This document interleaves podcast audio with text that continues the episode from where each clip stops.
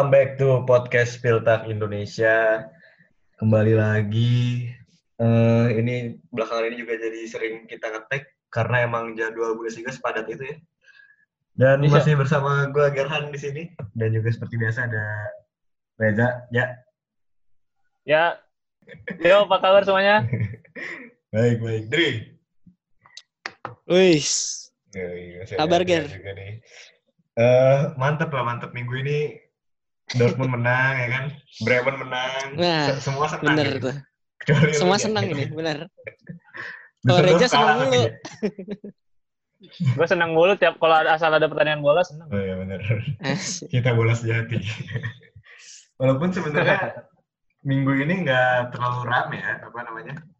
Secara pertandingan itu nggak banyak pertandingan yang diantisipasi lah banyak pertandingan-pertandingan tim gede lawan tim kecil seperti biasa gitu nggak ada yang kayak midweek kemarin ada Dortmund lawan Bayern malah lebih rame di Twitter nih belakangan ini kan isu-isu mengenai apa Black Lives Matter dan kemarin juga sempat ada yang membawa isu itu kan di lapangan tuh si siapa di Dortmund dan Gladbach. Nah di episode kali ini kita seperti biasa bakal ngomongin di Spiltak ke 29 ya kemarin ya. Iya 29. Mungkin kita langsung ke pertandingan yang di hari Minggu aja soalnya yang Sabtu kan nggak ada rame itu sebenarnya. Cuma ada Bremen. Sebenarnya secara secara keseluruhan kan minggu ini eh, ketebak semua nggak ada yang benar-benar kejutan kan. Hmm. Eh, semua tim lima besar menang semua, hampir semuanya meyakinkan. Mungkin satu-satu kejutan cuman eh, Bremen lah bisa menang lawan Schalke itu juga sebenarnya emang Schalke-nya hancur banget kan. Iya, jadi nggak kejutan dong sebenarnya. Iya sih. Nah itu nanti bakal kita bahas sih nanti apa Bremen dan Schalke itu di segmen kedua bersama seorang tamu juga ya. Hmm.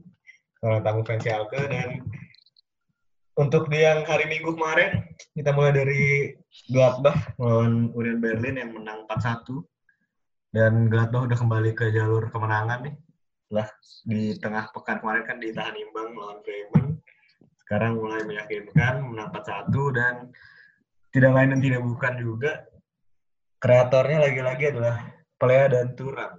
Gimana ya?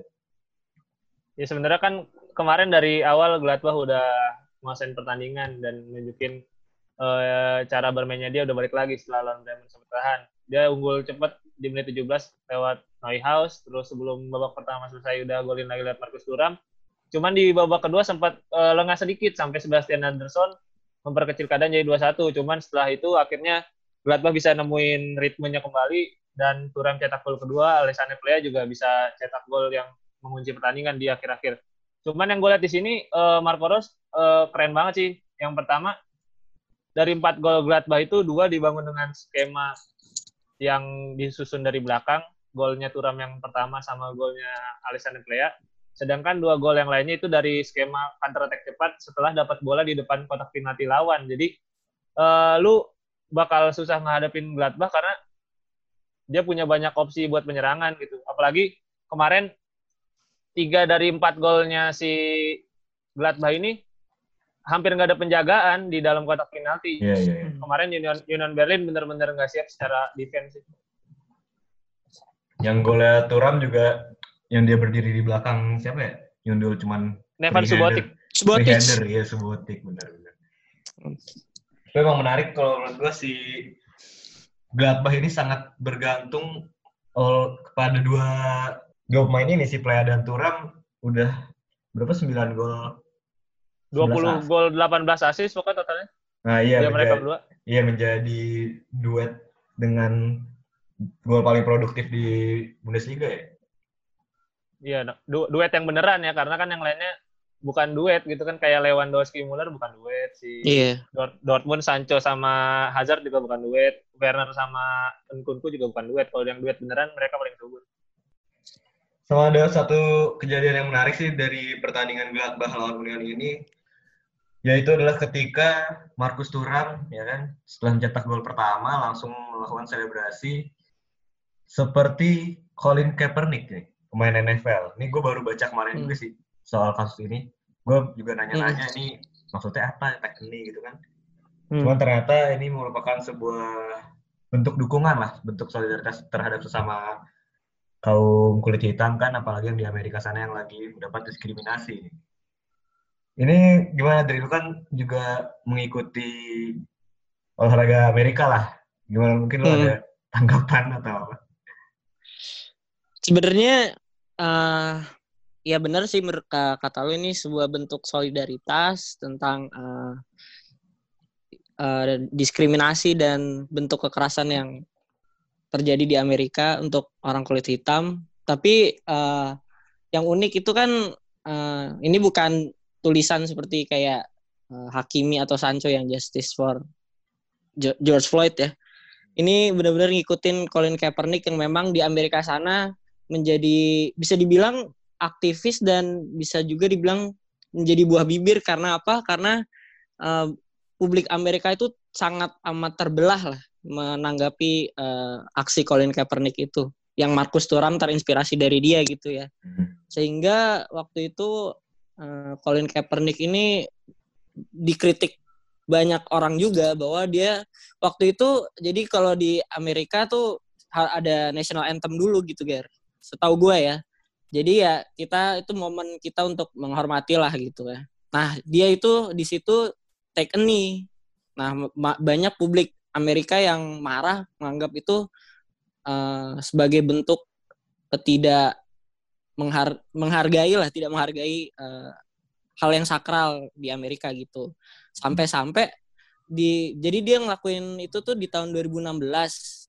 Nah, di do- di 2016 penonton NFL yang di rumah gitu ya atau di stadion itu secara akumulasi berkurang 8% gara-gara aksi yang dimulai oleh Colin Kaepernick ini, Gar.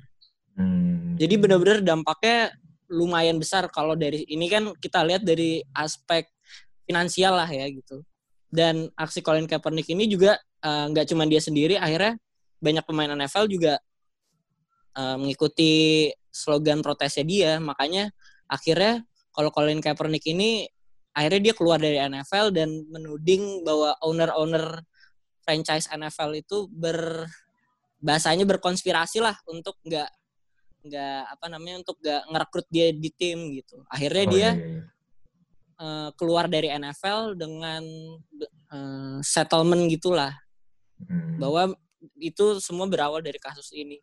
Sebenarnya sih yang bisa di eh, garis bawahi adalah satu aksi yang menurut orang simple bisa diinterpretasikan dengan banyak hal oleh orang lain sih. Mungkin itu sih yang menarik ya kalau dari selebrasi Markus Thuram.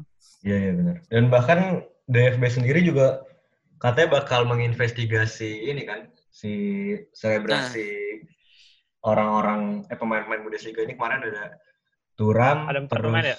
ah, ada Hakimi. Weston McKennie juga pakai tulisan Justice for Armband ya. George Floyd ya kan. Terus Hakimi sama Sancho. Nah, tapi menurut gua emang ini DFB agak agak nggak masuk akal sih kalau untuk cuman kayak tulisan gitu doang kan kayak Justice for siapa namanya George Floyd itu kan George ya Floyd. kayak untuk mengungkapkan rasa kemanusiaan aja sih kalau menurut gue ya. Nah, emang jadinya ngeblur sih, Ger. Kadang Hmm. orang nanggepnya ya kalau menurut gue pribadi juga itu pure kemanusiaan aja sih gitu. Cuman ya itu tadi kalau ber, mungkin apa di Jerman juga mempelajari juga gitu di NFL aja yang mungkin bener-bener relate banget lah gitu. Tetap ada backlash dari segala segala apa ya segala aksi yang berbau-bau sebenarnya kemanusiaan tapi banyak orang nganggep itu politik juga Iya, gitu. iya, sensitif ya jadi ya hitungannya. Iya, sensitif. Iya. Hmm, iya. Ngomong-ngomong soal Sancho dan Hakimi tadi udah disebut juga di mana kejadian itu juga terjadi kan di mana si Sancho sama Hakimi eh, selebrasi pada saat Dortmund menang 6-1 lawan Paderborn. Secara pertandingan sih ini emang udah kelihatan dari skor apa ya? Mungkin jomplang ya, cuman kalau lihat di babak pertama sebenarnya Dortmund sangat struggle nih. Ini gimana nih? Begitu di babak pertama ada kayak nggak nggak bisa nembus pertahanan yang paling kuat, tapi di babak kedua soal si Favre ini punya taktik master class gitu kan. Aduh. gue ngelihatnya sih emang eh, kalau kemarin kan waktu lawan Bayern juga Sancho, Brand eh, mainnya nggak begitu bagus ya.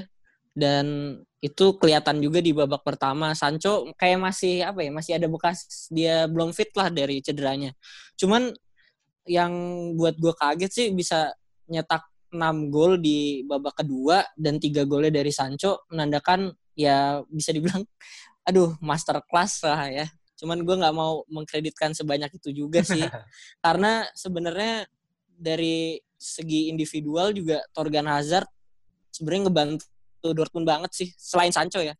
Maksudnya di dua pertandingan terakhir di lawan Bayern sama lawan Dort uh, lawan Paderborn sorry benar-benar kelihatan ini pemain underrated gitu. Jarang uh, kalau inget Dortmund tuh ingetnya pasti lebih inget Brand dibanding Hazard. Padahal Torgan Hazard juga punya kontribusi yang gede gitu. Iya, iya. Dan ya kalau Sancho sih gue nggak heran sih bisa secepat itu dia ibaratnya berubah jadi pemain yang berbeda di babak kedua emang menunjukkan yeah, yeah. kelasnya lah.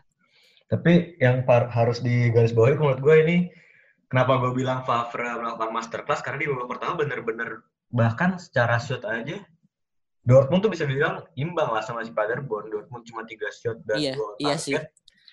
Si Paderborn empat shot, nol target. Nah begitu babak kedua, ini apa yang bikin merubah si Dortmund nih? Kayaknya kalau menurut gue uh, wingbacknya jadi agresif banget sih ya kalau menurut gue. Udah kembali ke ibaratnya ritme sebelum lawan Bayern lah. Kalau lawan Bayern kan agak ketahan uh, di babak kedua udah lepas lah mereka gitu mainnya. Selain juga ya lawannya ya berada di dasar klasemen ya. Iya. Tapi yang gue lihat sih sebenarnya kemarin pas babak pertama emang kehilangan sosok striker. Mau nggak mau mereka main tanpa Halan dan uh, mereka nggak punya striker lagi kan, striker murni dari tim setelah ngejual Paco Alcacer juga dan babak pertama tuh benar-benar buntu karena emang nggak ada yang bisa hold, hold ball di depan garis iya, pertahanannya si Paderborn ya kan? Hmm. uh, cuman di babak kedua akhirnya mereka coba main lebih fluid coba lebih skematis di kanan dan kiri sampai akhirnya bisa dapet. Cuman hmm. akhirnya tetap sih. Uh, sekali lagi faktor ghost game nih sangat kerasa karena uh, ketika tidak ada supporter tim kandang nggak punya dukungan tambahan gitu akhirnya yang menentukan tetap kualitas pemain dan kalau yeah. kita lihat yeah. kualitas pemain Dortmund sama Paderborn kan jomplang banget. Satu-satu yang bisa diharapkan Paderborn jadi kualitas ini ya dukungan supporter. sedih, sedih banget. Tapi emang kemarin kalau gue lihat emang faktornya sih menurut gue dari si Guerrero sama Bran ya yang kemarin tuh lagi-lagi ini pernah dibahas juga waktu pas sama si Amar, si Bran ini sangat bagus beroperasi di hal space lawan.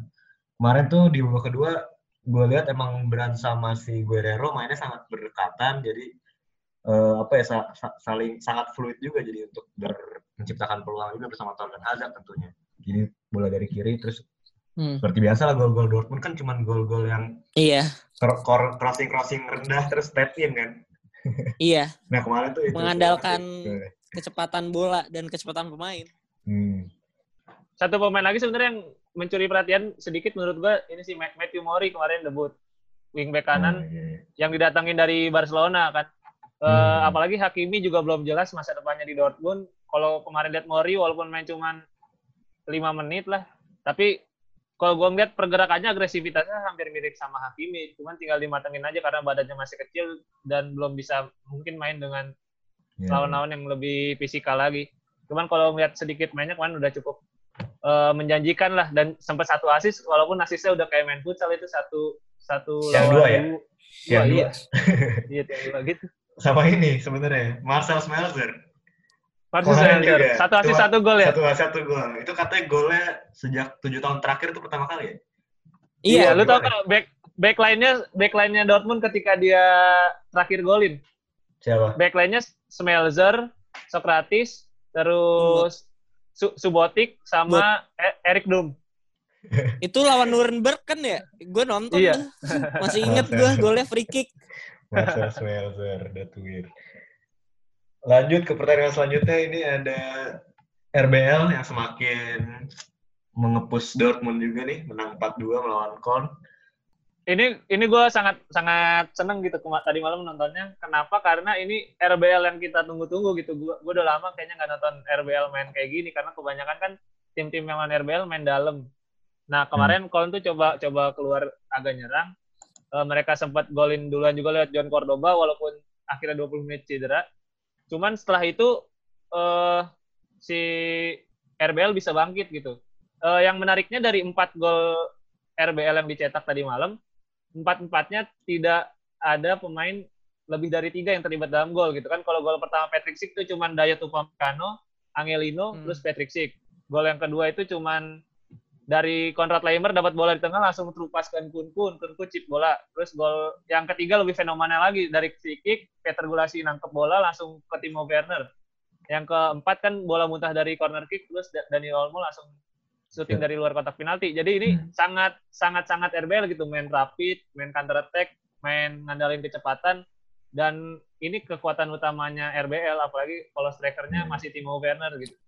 Tapi ngomongin soal gol Werner nih jadi lagi-lagi menjadi buah bibir karena menit 50 Kol bisa-bisanya nggak meninggalkan pertahanan, eh meninggalkan pertahanan gitu, nggak meninggalkan satu pemain pun di belakang ya kan? udah udah gungho itu kalau main di main di FM gungho. iya bener udah udah all out attack itu kalau di FIFA ya. All out attack menit 50. ya emang ini makanannya Werner sehari-hari lah ya. Iya. Uh, kemarin tuh RBL kan kebobolan dua walaupun ini ya walaupun menang tapi kebobolan dua. Nah ini salah satu efeknya karena dia nggak punya center back mulai kerasa sih. Jadi si back back backnya tuh nggak bisa clearance kemarin. Jadi akhirnya bola bolanya mantul mantul di depan. Hmm. Dan iya, juga kalau kalau gol yang pertama sih eh, nggak ada pemain setelah tendangannya Rex BC kena tiang nggak ada yang defensif ini siapa? Nggak ada yang masuk merebut bola. Iya defensif hmm. itu kurang. Iya benar benar. Ya wingback jadi center back ya gitu mungkin. Paling kalau dari pertandingan yang rame udah sih. Sisanya ada Bayern sebenarnya 5-0 lawan Düsseldorf cuman ya ini bukan ya udahlah ya. iya bukan sebuah kejutan gitu. Walaupun lagi-lagi Bayern ini dipuja-puja digadang-gadang bahwa permainannya Hansi Flick ini menja menjadi permainan Bayern yang paling bagus gitu sejak Pep kalau kata orang-orang. Ya. Dan mulai ada yang bahas bahkan apakah Hansi Flick ini kalau performa yang ini terus bisa dengan mudah menangkan Liga Champions nih. Waduh. Karena ya kalau lihat kan emang tim-tim lain yang di Liga top Eropa juga nggak ada nggak ada yang ini ya nggak ada yang konsisten ya. Yang konsisten iya. Liverpool cuman udah gugur. Udah gugur. Iya. Cuman kalau lu lu nonton mainnya Bayern nih, jujur aja gue nggak bisa apa ya, nggak bisa ngasih satu kekurangan atau kritik gitu. Jadi iya. bener-bener yeah. mainnya apa ya, kayak zamannya Heinkes lah. Gue inget banget soalnya kan waktu treble Dortmund kan ketemu mulu kan. Hmm. Ah iya, itu yeah, bener-bener susah banget nemuin celah untuk mengeksploitasi lini bertahannya dan di lini serangannya ya kayak Thomas Muller Lewandowski tuh udah tiktokannya udah udah klop lah gitu. Jadi kayak gue sih nggak kaget kalau bilang bahwa Hansi Flick ini pelatih Bayern yang paling bagus lah Guardiola sih mungkin. Dan sebenarnya kemarin pas lawan Düsseldorf tuh ini Dri, uh, pas babak pertama selesai juga udah mainnya bercanda pas babak kedua sih Bayern. Ya, udah iya. Mainin, Bener. Udah, udah, udah mainin Kuisang, terus mainin Odriozola, oh, iya. mainin Zigzag. OBM, OBM. Oliver Batista Mayer. Iya, iya. Padahal lu tahu sendiri kan Hansi Flick nih pelatih yang benar-benar serius gitu walaupun ada lima pergantian dia biasanya cuma ngeganti tiga pemain kan. Iya, iya, tapi ini dari awal udah bercanda sih menurut gua. Lucas Hernandez main ya kan. Itu CB-nya nggak ada yang pure CB. Enggak CB-nya nggak ada yang kaki kiri. Eh nggak ada kaki, ada kaki kanan. kanan. Nah iya ini katanya bisa menjadi sebuah tren baru mungkin yang dimulai oleh Hansi Flick. Gokil, gokil. Nah sebenarnya masih ada satu pertandingan lagi dari minggu ini yang untuk yang menarik dibahas. Ada Werder Bremen lawan Schalke. Cuma nanti kita bakal bakal bahasnya bersama seorang tamu, Rabarina Rukaya, seorang fans di segmen kedua.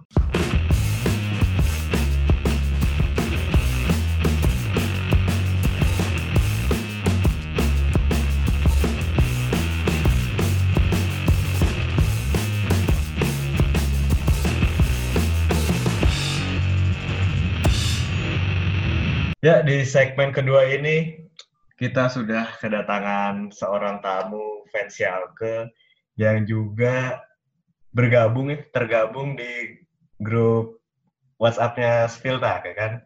salah satu followers juga bener gak sih? Bener. Iya. Ini kita udah bergabung bersama Rabani Narukaya, ternyata dipanggil Iben ya.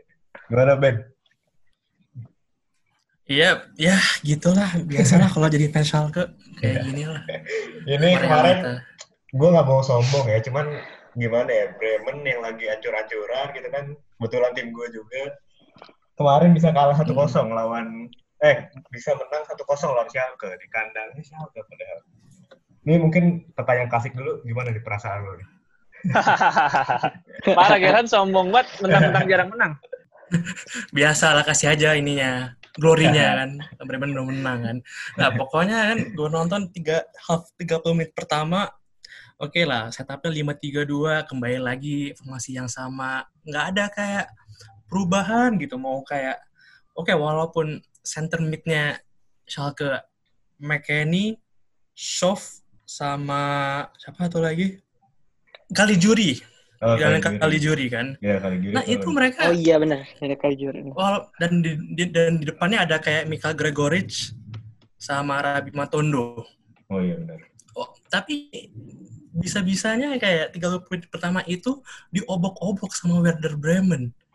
Ini padahal tim relegasi peringkat 17 ya? 16, mohon maaf. 17, 17. Iya? Iya? Oke, mungkin faktor dari Florian Kohfeldnya juga ya. Mereka kan lihat, waduh ini pertandingan talk udah mau berakhir. Ini udah match di 29.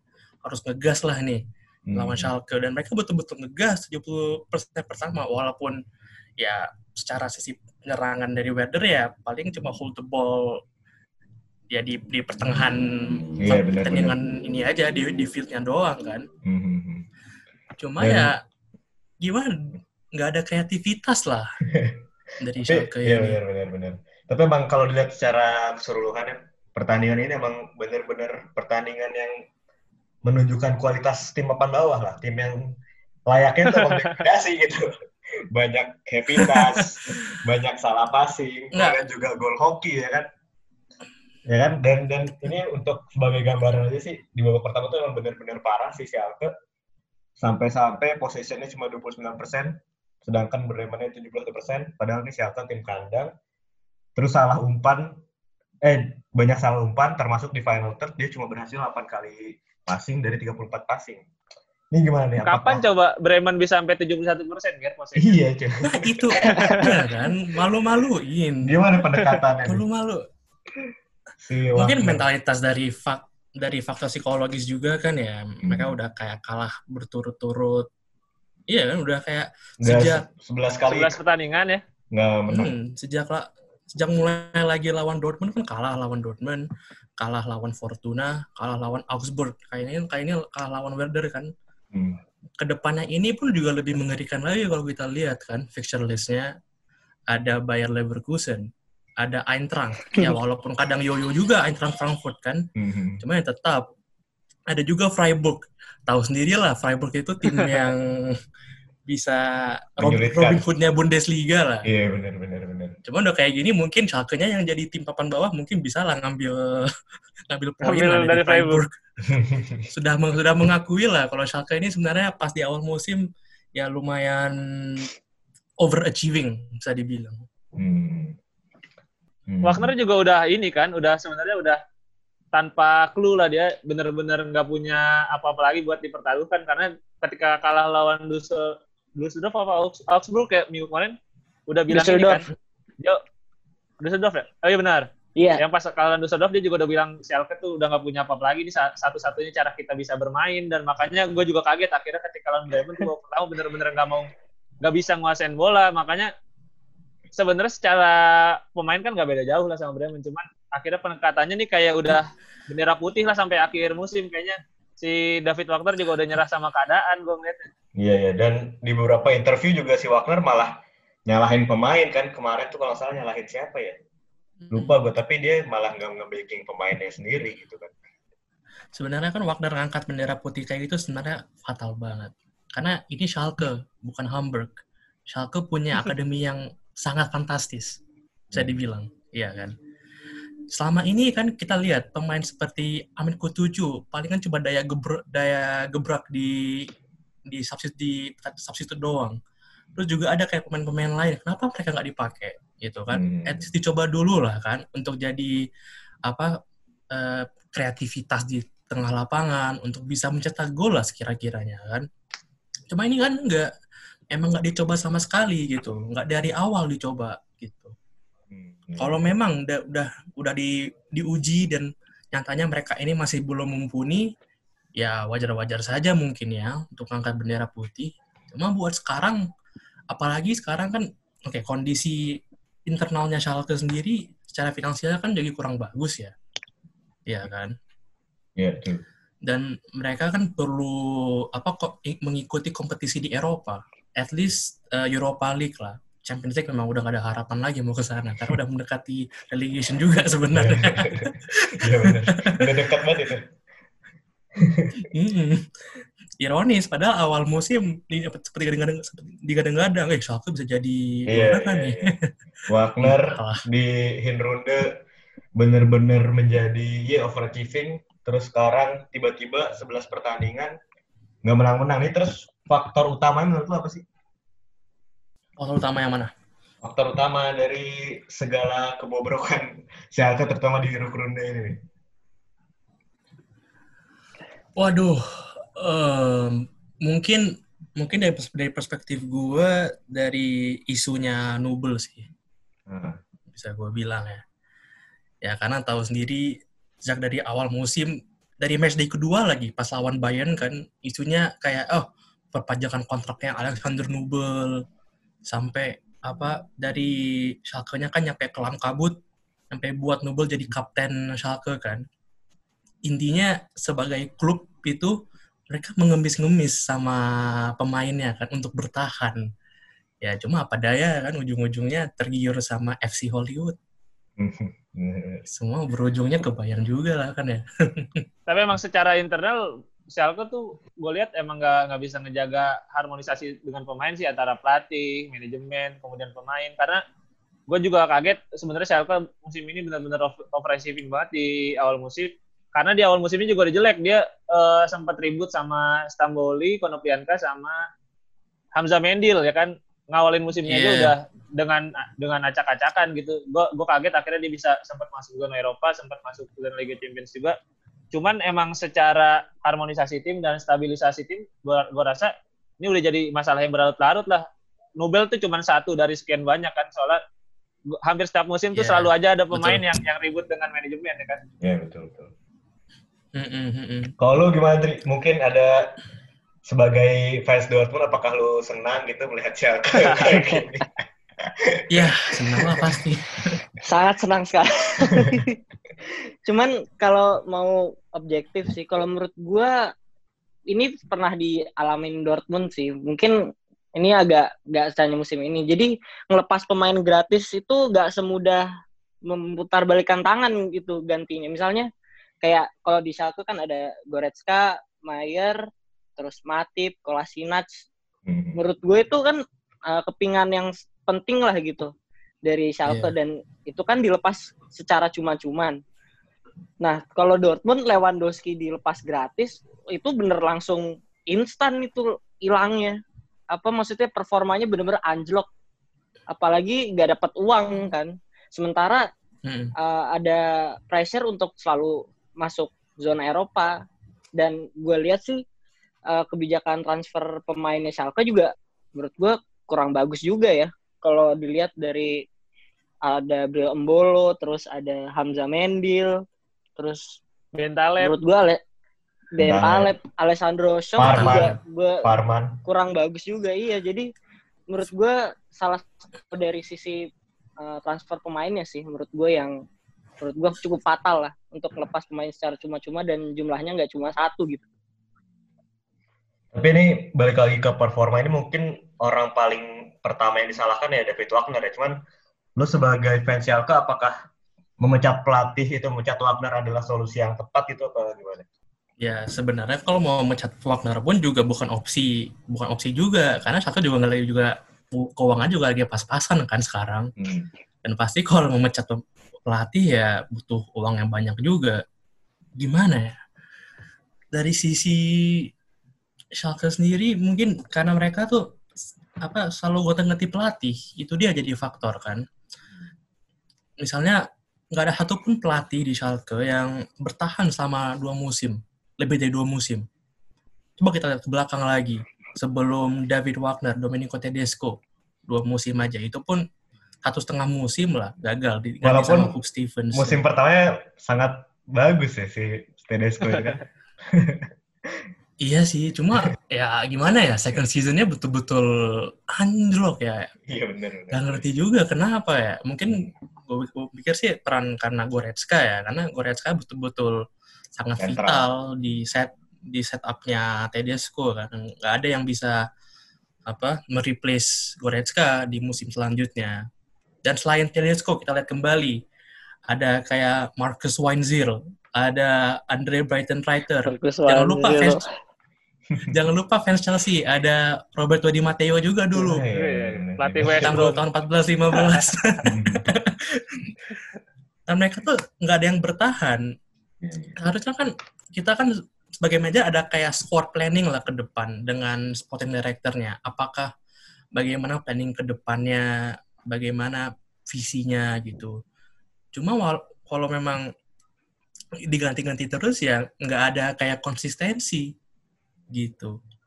Dan akhirnya berujung pada pemborosan transfer pemain kan. Buang-buang duit. Tapi selain Wagner tuh sebenarnya ada dua nama lain yang selama ini memicu perdebatan di antara fans Schalke yaitu Alexander Nubel dan juga Markus Hubert, ya kan? Eh kalau orang-orang orang-orang sebenarnya banyak yang nyalain Markus Hubert kan, cuman gua rasa bukan salah dia juga karena Hubert kan eh, baru satu musim full di Dynamo Dresden juga sebelum direkrut sama Schalke, itu pun di Bundesliga 2. Di, di balik dia emang dari U15 sampai U21 di timnas Jerman, cuman emang secara pengalaman belum berpengalaman di Bundesliga 1. Cuman gue pengen lebih nyorotin Alexander Nubel. Si Nubel nih bener-bener jadi udah diangkat jadi kapten, akhirnya tiba-tiba tetap ke Bayern. Kayaknya bener-bener ngancurin tim. Menurut tuh, lu tadi juga udah bahas, seberapa besar sih pengaruhnya Ben si Nubel ini akhirnya buat keperosotan Schalke di paruh kedua? Ya, kembali lagi kan kita kembali lagi ke akhir musim 2018-2019 ya. Itu kan eh, eh, apa kipernya Schalke kan dari intinya kan sama ini kan lima tahun ke belakang Ralf Farman kan. Hmm. Dan Ralf Farman juga memang sangat bagus lah bisa dibilang beberapa tahun terakhir. Tapi kan tahun lalu eh, musim lalu performanya Ralf Farman agak mulai menurun dan juga faktor usianya juga kan. Iya, betul. Dan Alexander Nubel kan dia memang di tim Schalke juga udah lama juga sih di squad listnya sejak tahun 2016 kalau nggak salah. Iya 16. Cuma dia baru dapet, mm-mm. cuma dia baru dapet kesempatan aja kan musim lalu untuk jadi first team player yang konsisten kan. Cuma yang gua nggak ngertinya kan kalau memang oke ini udah plok Nubel memang udah jadi kiper utamanya Schalke ke depan. Seharusnya apa dari manajemen nggak sadar kalau misalnya apa kontrak ke Nubel ini udah mau habis. Tinggal satu setengah tahun lagi. Iya. Iya kan. Dan kita lihat sendiri dari dari per- dari per- dari performanya Nobel, dari performanya Nobel. Dia sangat em, sangat nyaman bermain dengan bola kan. Hmm. Dan pasti indi- indikasi kayak gini kan bakal dilirik sama Bayern kan. Pasti Jadi itu. nggak ada kayak planning gitu. Dan jadi, di awal musim jadi lu jadi lu nggak nyalain Nubel ya, masih tetap nyalain manajemen ya. Bukan salah Nubel akhirnya dia memilih Bayern karena emang rumput tetangga lebih jauh aja gitu ya. lebih ke keteledoran dari manajemen makanya Nubel ya Nah, berulah bener sih. gitu. Tapi gue lihat emang beberapa tahun khususnya setelah kepergian Neuer ke Bayern tahun 2011, Schalke ini punya masalah dengan kiper sebenarnya. Jadi dari 2010-2011 semenjak Neuer pindah, Schalke itu nggak pernah ada kiper yang rataan kebobolan di Bundesliga-nya di bawah satu per pertandingan. Jadi berarti kan emang ada masalah di situ. Apalagi kalau misalnya kita lihat Neuer dari lima musim di Bundesliga sama Schalke, empat musim di antaranya tuh punya rataan gol yang di bawah satu gol per pertandingan. Hmm. Nah satu satu kiper sebenarnya yang cukup lumayan lama jadi kiper utama Schalke tuh sebenarnya kan Ralf Farman. Nah ini menarik Hmm. Ralf Farman karena dia juga mirip kayak Nubel sempat jadi kapten juga. Eh cuman kan akhirnya musim kemarin tuh balik lagi masalah cederanya. Setelah sempat tiga musim tuh free dari cedera lah. Apa emang nih Rafa Arman udah saatnya dilepas atau keputusan yang gegabah juga sih menurut menurut lu dulu Dagir? Eh, keputusan tepat karena Nubel ini tadinya dijadikan ingin dijadikan kiper utama gitu ya kan cuman setelah yang terjadi Nubelnya merasa egonya lebih besar daripada klub mungkin kan. Ini kalau personal gue ya mungkin merasa kayak gitu. Nubel juga udah dijadiin kapten awal musim.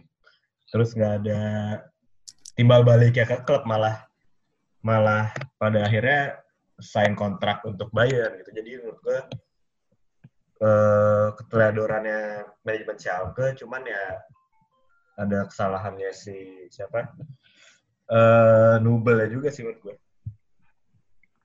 Tapi Rafa Arman tuh secara performa dan secara kualitas menurut menurut lu nih Ben, kualitasnya kualitas kiper papan atas? Menurut FIFA sih main bagus ya. Kalau menurut FIFA Di atas Burki kok yakin. Di atas performanya. di atas Burki.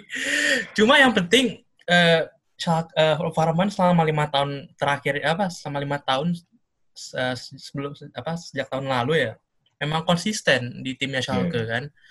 Karena Hmm, yang Reza yang lo bilang tadi kan habis eh, Schalke kehilangan Neuer kan nggak konsisten sama kipernya. Ada kayak Lars Oenerstal ada kayak Hildebrand kan. Habis itu dapet nih Rolf Farman dan dia memang konsisten di top itu. Dan dia memang kiper Schalke buat long term lah ke depan kan.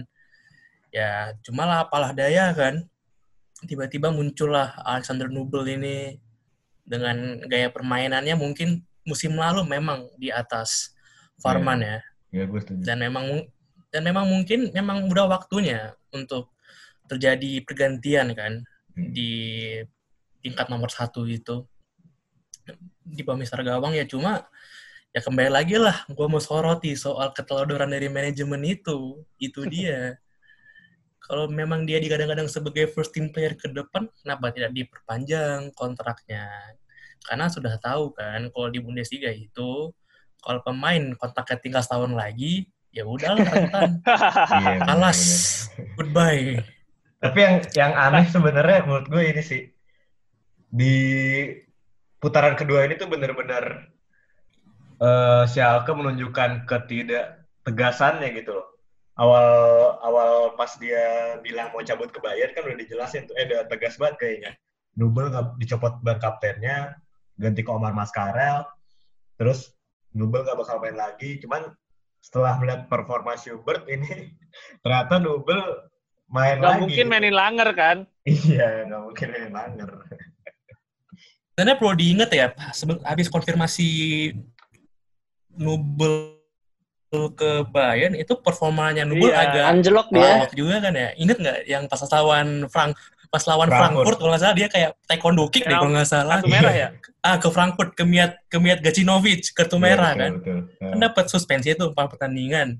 Dan itu kan empat pertandingannya langsung dipakai buat Schubert kan untuk kayak wah ini gue bisa jadi step up nih kan buat kiper Schalke. Cuman pas lawan Bayern ini dan pas lawan Bayern ini itu Nubel udah kembali ke benchnya gitu. Dan di media pada dibilang semua apakah Wagner akan memain Schub- memain Schubert sampai akhir musim atau tetap pakai Nubel sampai akhir musim gitu kan. Dan ujungnya eh, Wagner pakai Schubert pas lawan Bayern. Dan betul-betul lah pas lawan Bayern itu mentalitasnya Schubert rapuh. Digodok-godok sama Bayern, sama. Lewandowski 5-0 Iya. kan. Hmm. Akhirnya di saat-saat seperti ini justru merindukan si Farman ya. Karena kalau kalau ada Farman sekarang, gua rasa Farman langsung pasti langsung step up sih. Karena dia secara mental juga Nah. udah paling bagus kan.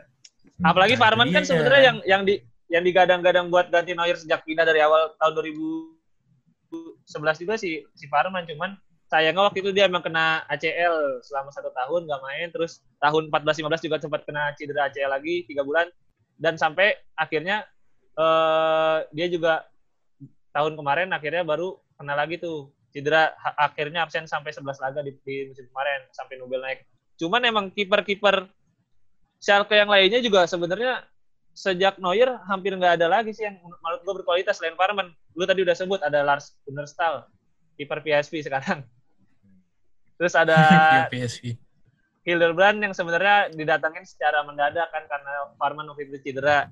Dan juga nama Fabian Giver yang iya. masuk tahun 2000 berapa? 2015-16 ya setelah Hildebrand pindah juga.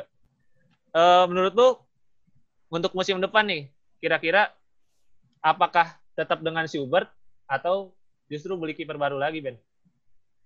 mungkin eh, harus cari kiper baru lagi sebagai karena gue pikir Schubert bisa lah dijadikan first team player karena dia butuh waktu aja sebenarnya butuh proses kan tetapi juga perlu juga backup satu lagi kiper satu lagi dan itu perlu dipertimbangkan oleh manajemen Schalke cuma kalau udah kondisi finansial kayak gini sih ya gue sih agak ragu juga dan mungkin Schalke terpaksa pakai akademinya juga kenapa Schmiede gitu Bagus nggak itu?